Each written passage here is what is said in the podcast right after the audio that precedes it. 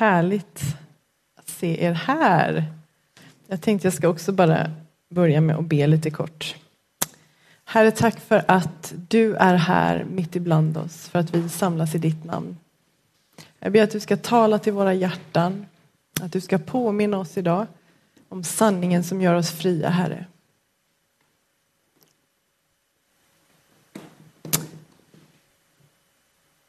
Amen. Härligt. Några av er har varit med på den här serien vi har haft eh, om den helige Ande. Den har varit ganska många veckor nu eh, och väldigt många bra perspektiv. Man kan ju prata mycket om det här. Eh, idag vill jag prata om det ultimata syftet med allting. Eh, den heliga Andes uppdragsbeskrivning. Gud är ju tre som verkar på jorden i olika faser av världens historia. historia. Först eh, skaparen, Gud skaparen. Sen kommer Jesus, frälsaren. Och nu till sist anden, hjälparen. Så vi lever i andens tidsålder. Det är väldigt spännande. Så vad är det då hjälparen ska hjälpa oss med? är frågan. Jag läser från Johannes 16. Men jag säger er sanningen. Det är bäst för er att jag går bort för om inte jag gör det så kommer inte hjälparen till er. När jag har gått bort ska jag sända honom till er. Och när han kommer ska han visa världen vad synd, rättfärdighet och dom är. Och så hoppar jag lite. Det är så mycket jag vill säga er, men som ni inte kan ta emot just nu.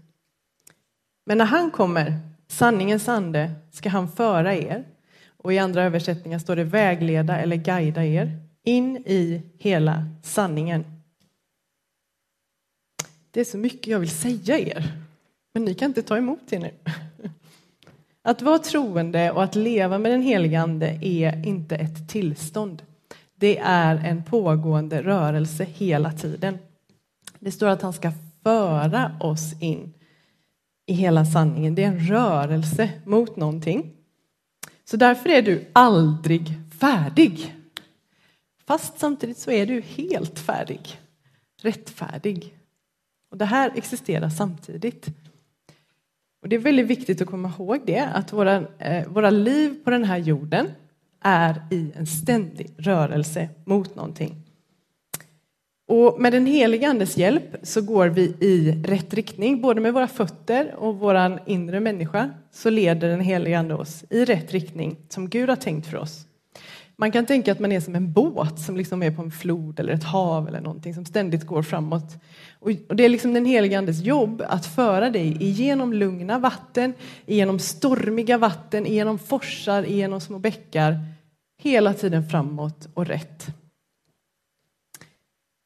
Han vill föra dig in i sanningen om Gud, om världens tillstånd, om sanningen om dig och om dina medmänniskor.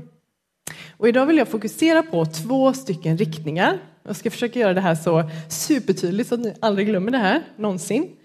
Eh, den ena riktningen är liksom mot Guds plan med allting, hela skapelsen. Och den andra riktningen är liksom i motsatt riktning mot Guds plan med hela skapelsen. Så jag ska ta hjälp av två personer tänkte jag, som ska få illustrera de här två riktningarna. Ehm, John Aron, eftersom du redan har varit på scenen, du får vara här. Och du heter då eh, Splittring. Du kommer få vara här hela tiden så du får typ sätta dig, annars blir det jättejobbigt.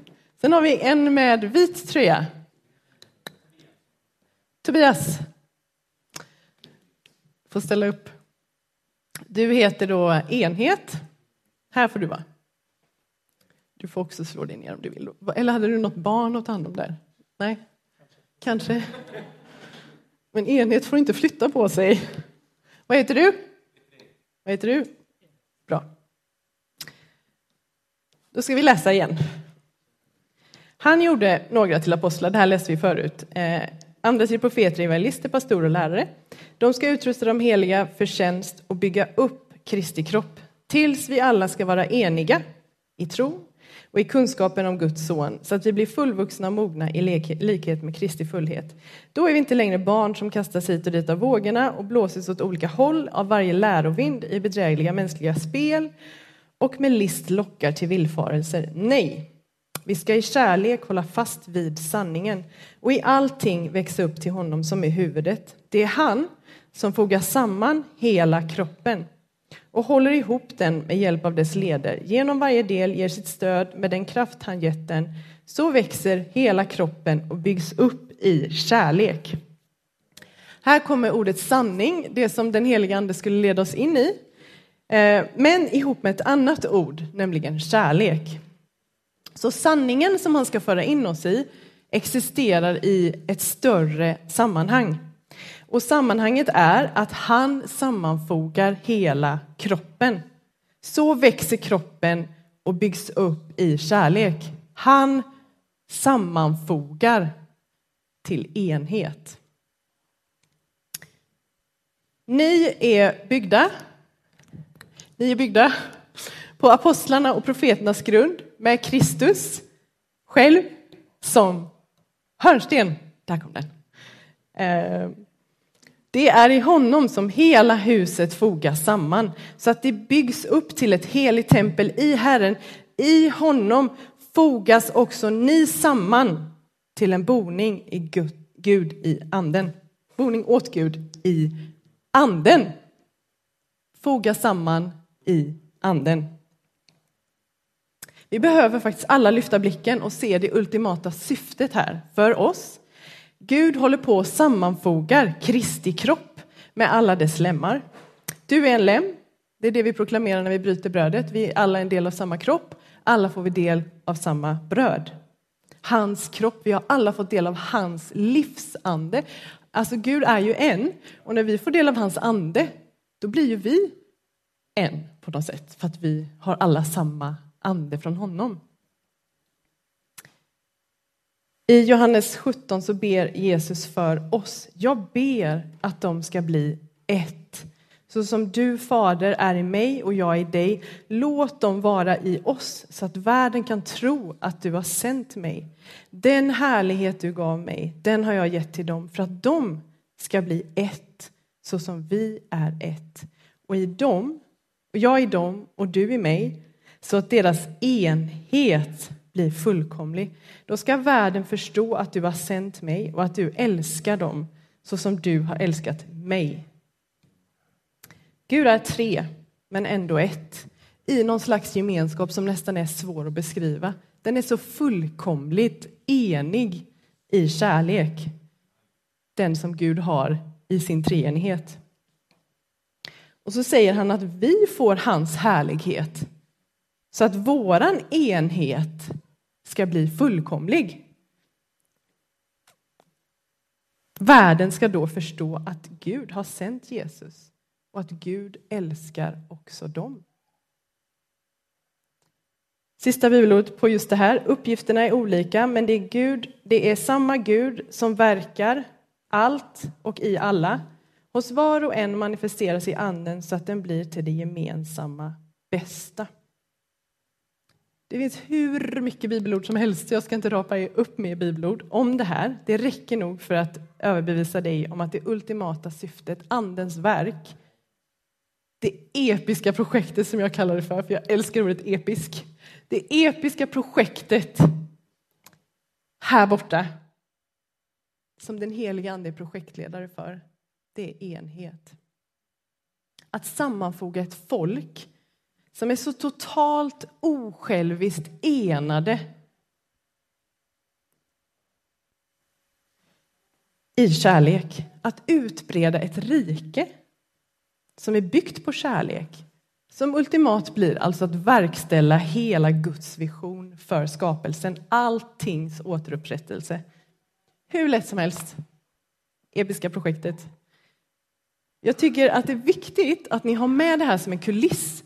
För att allting som kommer, andens gåvor, andens eh, ehm, eh vad heter det, frukt, andens ledning, allt tjänar samma syfte.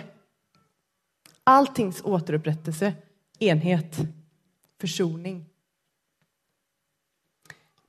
När Jesus, eh, kommer ni ihåg det här stället i Bibeln när Jesus tvättar lärjungarnas fötter? Det är så tokig situation för att det händer typ inte att en, en lärare gör så med sina elever på den tiden. Eh, Men så säger han att, eh, till Petrus då, som säger nej, tvätta inte mina fötter. Så säger han, om inte jag får tvätta dina fötter så har du ingen del i mig. Oh, tvätta hela mig, tvätta allt, säger han då. Ja, ni vet. Och så säger han så här, när han sedan hade tvättat deras fötter och tagit på sig manteln och lagt sig till bords igen så sa han till dem, förstår ni vad jag har gjort med er? Ni kallar mig mästare och herre, och det är, jag, det, det är med rätta, för det är jag.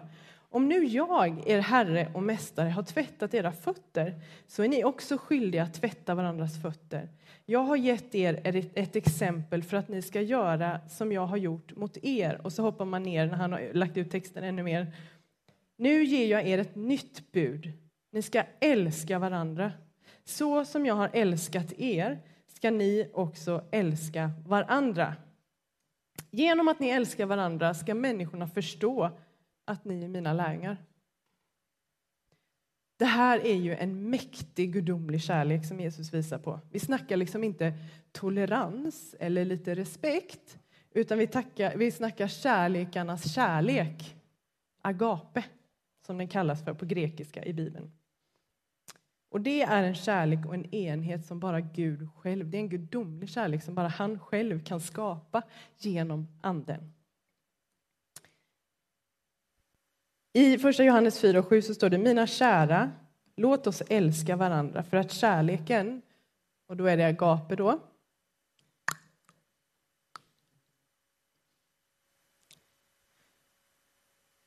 prata så fort. Jag lovade mig själv att inte jag skulle prata fort. Nu blir det konstpaus för Davids skull. Första Johannes 4 och 7. Liten kort vers. Skit i det, lyssna då bara. Mina kära, låt oss älska varandra för att kärleken, parentes agape, kommer från Gud. Den som älskar är född av Gud och känner Gud. Den som älskar är född av Gud, alltså med agape-kärlek, är född av Gud. När du blir frälst eller troende ehm, och får liksom Gud på insidan genom Anden så kallar Bibeln det ibland för att du blir född på nytt. Du blir alltså född av Gud. Med den otroliga, övernaturliga förmågan att kunna älska på det sättet han gör. Med agapekärlek. Och varför säger jag agapekärlek? Jo, för att jag vill verkligen särskilja den här ifrån det sättet som vi vanligtvis eh, definierar kärlek, och jag kommer till det.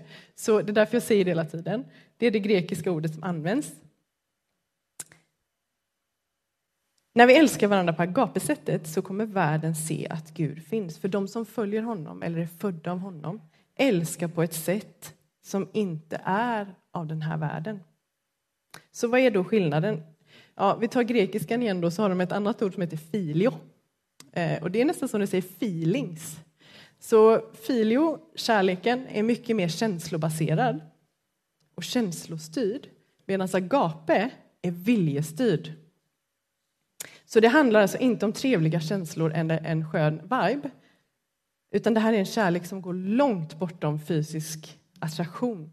Den har bestämt sig. Punkt slut. Känslor och attraktion, ni vet, de är ju impulsiva och också väldigt flyktiga. Men den gudomliga kärleken som Bibeln skriver är konstant. Och personen som älskas är den som är i fokus bara för att den är ovärderligt värdefull. Inget annat. Inte för att den är snygg eller härlig eller presterar bra. Bara för att den är värdefull. Agape kan ibland involvera känslor, absolut. Men någonting den måste involvera är handling. Och här blir liksom korset den ultimata manifestationen av agapekärlek. Uppoffrande, utgivande, osjälvisk kärlek. Jesus ger sitt eget liv för människor som han inte ens vet kommer älska honom tillbaka. Gud har bestämt sig för att älska oss. Oavsett vad. Hans kärlek är konstant utgivande, obegränsad, ohämmad och ovillkorlig. Och ingenting kan ändra på den. Den strömmar konstant och den begär aldrig något tillbaka. Det är agape. Den kärleken som vi ofta definierar i vårt samhälle, den bygger, hur vi än säger, så bygger den på individualism. Och agape och individualism eller egoism eller självcentrering är liksom varandras motsatser. Filio, den här känslostyrda, eller eros, den här känslostyrda kärleken kan därför aldrig möta vårt djupaste behov av att bli älskade. Eftersom att den är varken osjälvisk eller konstant. Den beror alltid på. Jag menar, hur bra är vi egentligen på att älska någon fullkomligt, ovillkorligt, konstant, utgivande, självuppoffrande? Den förmågan finns inte riktigt i oss själva. Vi behöver hjälp med det. Möjligtvis det närmaste jag kan komma agapekärlek som, liksom, som jag kanske kan prestera med hjälp av Gud då, är ju mot mina barn. Men inte ens den lyckas jag vara konstant med och fullkomligt självuppoffrande med, fast jag vet att jag skulle göra vad som helst. Men ni fattar. Hur, hur ska jag då kunna vara sån mot andra människor, mina vänner eller mina icke-vänner? Anden börjar därför det här episka projektet med att föra in dig i sanningen om dig själv först. Du måste förstå hur agape älskad du är innan du kan agapeo andra på grekiska. Det står ju att du ska älska Herren din Gud av hela ditt hjärta, av hela din själ, av hela ditt förstånd och din medmänniska som dig själv. Du måste alltså älska dig själv för att kunna älska din medmänniska. När du vet sanningen om dig själv på riktigt, då finns det ju ingen konkurrens. Det finns ingen som kan hota dig. Du har din plats, du har din plats i honom och i den här världen. Ingen kan ta den. Och den tyngsta av alla frågor blir besvarade i Gud. Du är älskad ovillkorligt. Du är inte en slump, du har en mening. Du har ett ursprung och du har en framtid. Du är älskad som du är. Du är konstant älskad. Och Det där är verkligen viktigt att komma ihåg. Det beror inte på. Du är konstant älskad. Inte av vem som helst, utan av din egen skapare. Universums kung. Din himmelske fader. Och Den här grundläggande insikten, insikten påverkar hur du ser och möter andra människor. När Anden påminner dig om vem du tillhör och vem du är, att du är barn till Gud och barn till kärleken själv, då kommer din djupaste bekräftelse från honom. Och du behöver inte söka den bekräftelsen i samhället omkring dig. Du behöver inte hålla upp en fasad för att bli älskad, för du är vacker hur du än ser ut. Eller beter dig. Du behöver inte lyckas för att vara någon. Värdet sitter inte i vad du presterar på jobbet eller någon annanstans. Du behöver inte synas för att finnas. Du är älskad bara för att du är människa och för att du är du och Guds barn. Och Vi behöver den här påminnelsen hela tiden om oss själva, sanningen om oss själva. Därför att samhället och ultimat fienden faktiskt försöker få dig att känna dig otillräcklig och oälskad hela tiden. Så den helige Andes jobb är att påminna dig om vem du är, sanningen om dig. Så att vi kan hålla fast vid sanningen, står det. Och därför är det viktigt att du läser Bibeln faktiskt. För att det är där sanningen om dig står. Och om inte du läser Bibeln så har inte den heliga Ande någonting här i hjärtats förråd att jobba med och påminna dig om. När du hamnar i jobbiga situationer där fienden eller samhället försöker lura dig till någonting så behövs någonting plockas fram. Du är älskad som du är, du är fullkomlig, du är rättfärdig. Allt det där som Bibeln säger. För Det är nämligen så att det du ofta tror att du borde vara är lögner. Eller det du bedöms på är ofta lögner. Eller det du bekräftas för eller älskas för är flyktigt. Så därför måste vi hålla oss vakna, för det här är allvarligt. För vi faller in i det här sjuka i samhället hela tiden. Och när vi gör det, när vi går under vad samhället bekräftar och bedömer, så börjar vi agera så mot varandra också. Du måste bekräfta mig för innan jag ska bekräfta dig. Om inte jag lyckas så ska ingen annan heller lyckas. Det är hennes fel att det är så här. Det är deras fel att jag är som jag är. Tro inte att du är något. Varför ser de inte allt bra jag gör? Ingen tycker om mig. De säger så, och det måste ju betyda att jag är ful eller konstig eller dålig på något sätt. Osäkerhet, avundsjuka, dålig självkänsla, försvar, egoism, fördömelse, avståndstagande. Och så börjar jag närma mig här borta. Splittring. För det delar oss människor på varandra.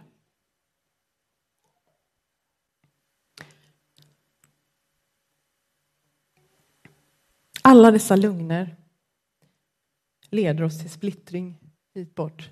Och det är precis vad fienden vill. För om inte du älskar dig själv och vet vem du är så kommer du aldrig komma hit och vara en del av det här episka projektet. Så den helige Ande jobbar med sanning för att ta dig i Guds riktning. Fienden jobbar med lögner för att ta dig i fel riktning, motsatt riktning. Och Det här kan vara lite svårt att urskilja ibland faktiskt, på riktigt. Men det är också det här vi har den helige Ande som hjälp. Och det är också där det är viktigt med Bibeln då, att hela tiden ihop med Anden och Bibeln kunna urskilja vad är det som är sant om mig och vad är inte sant om mig. Vad är det som är sant om dig och inte sant om dig. Visionen här borta då, enhet, det kräver kopiösa mängder av nåd och försoning. Vilket då också är vad Gud har gett oss i liksom galaktiska mängder. Så att vi kommer klara det.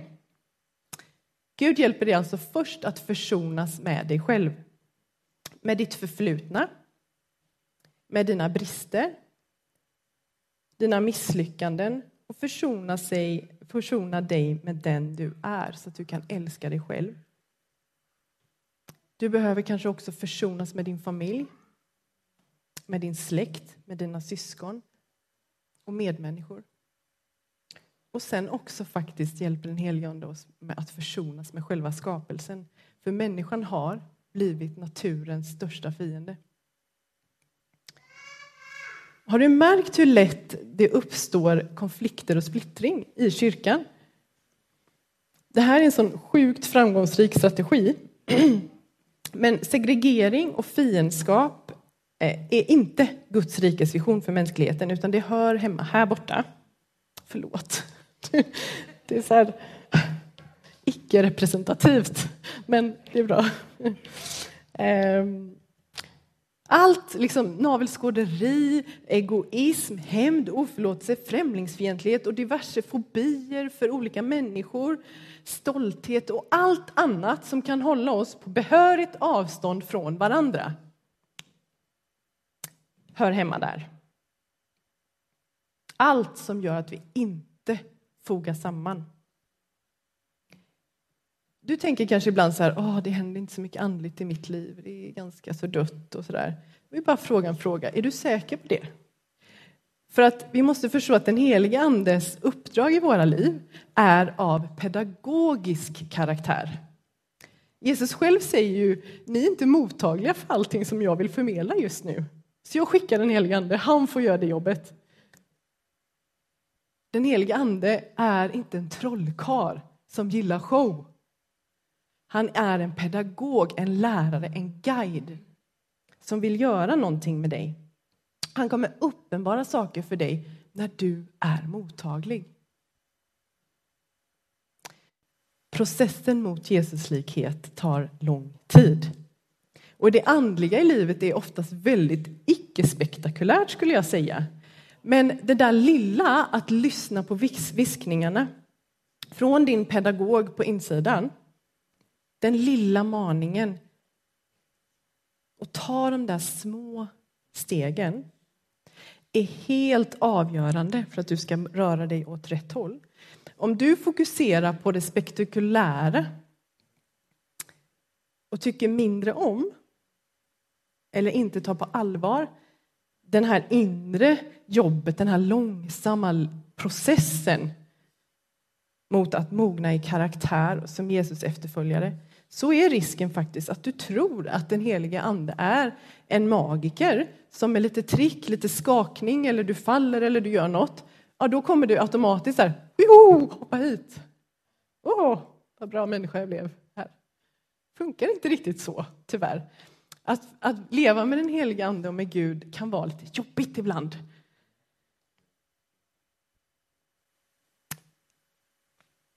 Men det verkligt spektakulära, Andens mäktigaste och mest övernaturliga verk i ditt liv är när han leder dig till försoning. När du kan försonas mot alla mänskliga instinkter då landar himlen på jorden. Då skapas enhet och Guds rike utbreds. När Anden pekar på något i ditt liv som kan vara synd eller bara en tanke som skulle kunna leda till eller redan har lett till en konflikt eller misstänksamhet, avundsjuka, någonting i relationen till andra. Eller när du berättar sanningen för någon fast du tänker att det spelar ju nog egentligen ingen roll, det var inte så farligt. Eller när du tar ett steg mot vänskap istället för främlingskap. När du offrar någonting lite för någon annan, då vinner kärleken. Och skapelsen upprättas i små steg hela tiden. Allt för ofta så har jag hört och upplevt andliga personer som talar eller agerat på ett sätt som låter väldigt bra och väldigt andligt men som i slutändan leder till det här. Splittring i Kristi kropp inom kyrkan. Men Gud vill inte det och det kan vara en ganska bra måttstock att ha ibland när du tänker är något andligt eller, eller är det inte andligt? Ja, men det här, det som sades eller det som gjordes, leder det i slutändan till enhet eller till splittring? Ha med de här, Tobbe, John Aron. Det är en väldigt, väldigt bra kuliss att ha för allt. Jesus ber att vi ska vara ett. Jesus kom för att riva murar mellan Gud och människa, mellan människa och människa och vi utbreder inte Guds rike genom att bygga upp dem igen. Det viktigaste är inte att du har rätt, utan att vi blir ett. Det viktigaste är inte att du har rätt, utan att vi blir ett. Nu kommer en bibelvers. Syskon, ni är kallade till frihet. Låt bara inte den friheten bli en ursäkt för att tillåta er gamla natur att agera. Och så kommer lite parenteser här för att jag tog från kärnbibeln, vilket är väldigt härligt. Ehm, så låt inte den... Ehm, låt bara inte den friheten bli en ursäkt för att tillåta er gamla natur att agera Låt inte nåden bli en ursäkt för själviskhet och att handla i egen kraft, utan tjäna istället varandra ständigt i kärlek. Genom osjälvisk utgivande kärlek, för hela lagen sammanfattas i en enda mening. Du ska osjälviskt älska din nästa som dig själv. Den, den här enheten som den helige Ande vill föra oss igenom, in i, handlar inte bara om, börjar inte bara med att du måste älska dig själv. Det börjar också med att du måste vara villig att förändras. Tack vare att Jesus har gjort oss fria eh, från vår gamla natur som så lätt tar makt över oss så är det faktiskt möjligt för oss att älska med agapekärlek ovillkorligt och osjälviskt. Låt inte nåden bli en ursäkt för själviskhet. Jag gillar den, eh, den eh, texten lite grann. Nåden, det här att allt är förlåtet, ingen kan döma dig, du är ovillkorligt älskad och allt det här skulle ju potentiellt kunna leda till att du inte bryr dig så mycket. Äh, det spelar ingen roll vad jag gör, jag är älskad ändå. Gud älskar mig, det är gött. Men att fastna där och stanna där är ju att vara på ett barns nivå. Fastna där är ju att inte riktigt bli en del av det episka projektet Guds verk i dig är aldrig bara för din skull. Nåden är mycket större än så. Låt inte nåden bli en ursäkt. Att lära sig att älska osjälviskt tar tid. Agape kommer inte naturligt. Det är någonting vi behöver lära oss och jobba med. Det är en riktning. Men agape är faktiskt det enda sättet, den enda vägen att nå hit. Enda vägen mot hela skapelsens upprättelse. Och det är ett ständigt brottande med Andens frukter. Ni vet kärlek, glädje, frid, tålamod, vänlighet, godhet, trohet, mildhet, självbehärskning. Alla de här är lite jobbigt. Och det är lite jobbigt att leva i Anden ibland för att hjärtat blir mer och mer känsligt. Så vi känner liksom på insidan när någonting inte riktigt var bra. Eller oh, jag sa det fast jag, oh, det var lite själviskt och det var avundsjuka. Och det var... Vi känner de här grejerna. Och alla de här sakerna som faktiskt leder oss bort från enhet och kärlek, det kommer den helige Ande tala till oss om. Han kommer inte lämna det bara, sopa det under mattan. För att det kommer aldrig ta oss hit om han inte är där och pekar lite. Han kommer tala genom dina känslor, ditt samvete, genom andra, genom ordet. Egentligen, ibland, kommer han använda precis vad som än behövs för att ta dig hit. För det finns ett episkt projekt som vi alla behöver vara en del av. Ibland kommer du också känna att du måste agera på någonting som du kanske inte gjorde förut. Du kommer inte bara kunna se på när det är orättvisa eller någon kränks eller blir illa behandlad eller någon saknar hjälp och stöd. Du kommer börja agera osjälviskt i vissa situationer. Och i små steg, där du är mottaglig, kommer du bli förd in i att agape älska genom ord och handling. Jag är snart slut. Somna inte, det här är så viktigt. Det är väldigt varmt. Ska vi bara göra så här? Ställa oss upp och göra lite så här? Vädra lite. Vi behöver vatten. Grymt. Så, sammanfattningsvis. Jobbeskrivningen som den helige Ande har för att vi ska komma hit eh, till alltings återupprättelse och enhet. Först föra in dig i sanningen om dig själv. Sen, nej, om Gud först. Gud först, sanningen om Gud. Sen dig själv. Och sen, och då när det är dig själv, eh, nu blev det jätterörigt, jag skulle vara så tydlig nu med mina tre punkter. Första punkten, sanningen om Gud. Andra punkten, sanningen om dig själv. Och då handlar det om hur ovärderligt älskad du är på det här agapesättet, men också att lysa lite på dina brister eh, och kanske synder, rädslor, allting som står i vägen för att du ska kunna reflektera honom mer och älska andra. Och sen tre, föra in dig i sanningen om dina andra, eh, din nästa. För sanningen är ju att det är inte Gud som behöver dina goda gärningar, eh, men din nästa gör det. Han behöver inte heller ditt tålamod, din ödmjukhet, din sanning eller omtanke men din nästa gör det. Så de här tre, Gud, jag, min nästa, är liksom som en cirkel som pågår hela tiden. Det hänger ihop. Och eh, det är inte heller så att det sker en gång. Nu vet jag hur älskad jag är. Bra, nu ska jag gå ut och älska alla andra. Oh, så här, utan det är ju verkligen någonting som pågår hela tiden, för jag glömmer ju hela tiden hur älskad jag är. Jag glömmer vem Gud är och vem jag är i förhållande till honom. Så det här pågår hela tiden. Och sanningen är att de är också beroende av varandra. För att när jag börjar uttrycka min kärlek eh, till Gud så ser jag helt plötsligt mig själv genom hans ögon. Och när jag börjar tjäna andra ja, då upplever jag Guds kärlek i den situationen också. Lär känna Gud i mötet med andra och så lär jag känna mig själv också i mötet med andra. Och så blir det bara som en härlig soppa av allting. Det hänger ihop. För att när vi ger av agapekärlek så växer den. Så när vi eh, ger så lär vi känna agape och Gud mer. Och vi förstår den mer och vi kan agera i den mer och den blir mer och mer en del av oss. Så allt hänger ihop och sann andlighet har alltid en rörelse mot andra människor. För att vi är på väg hit.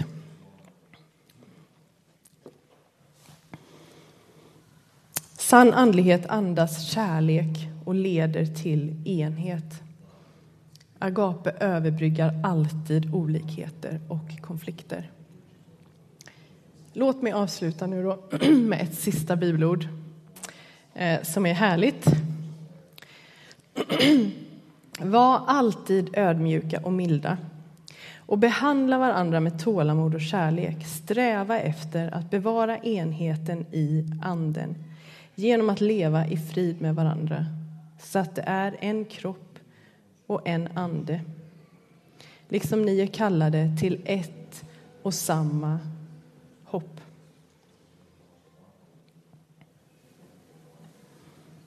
Amen.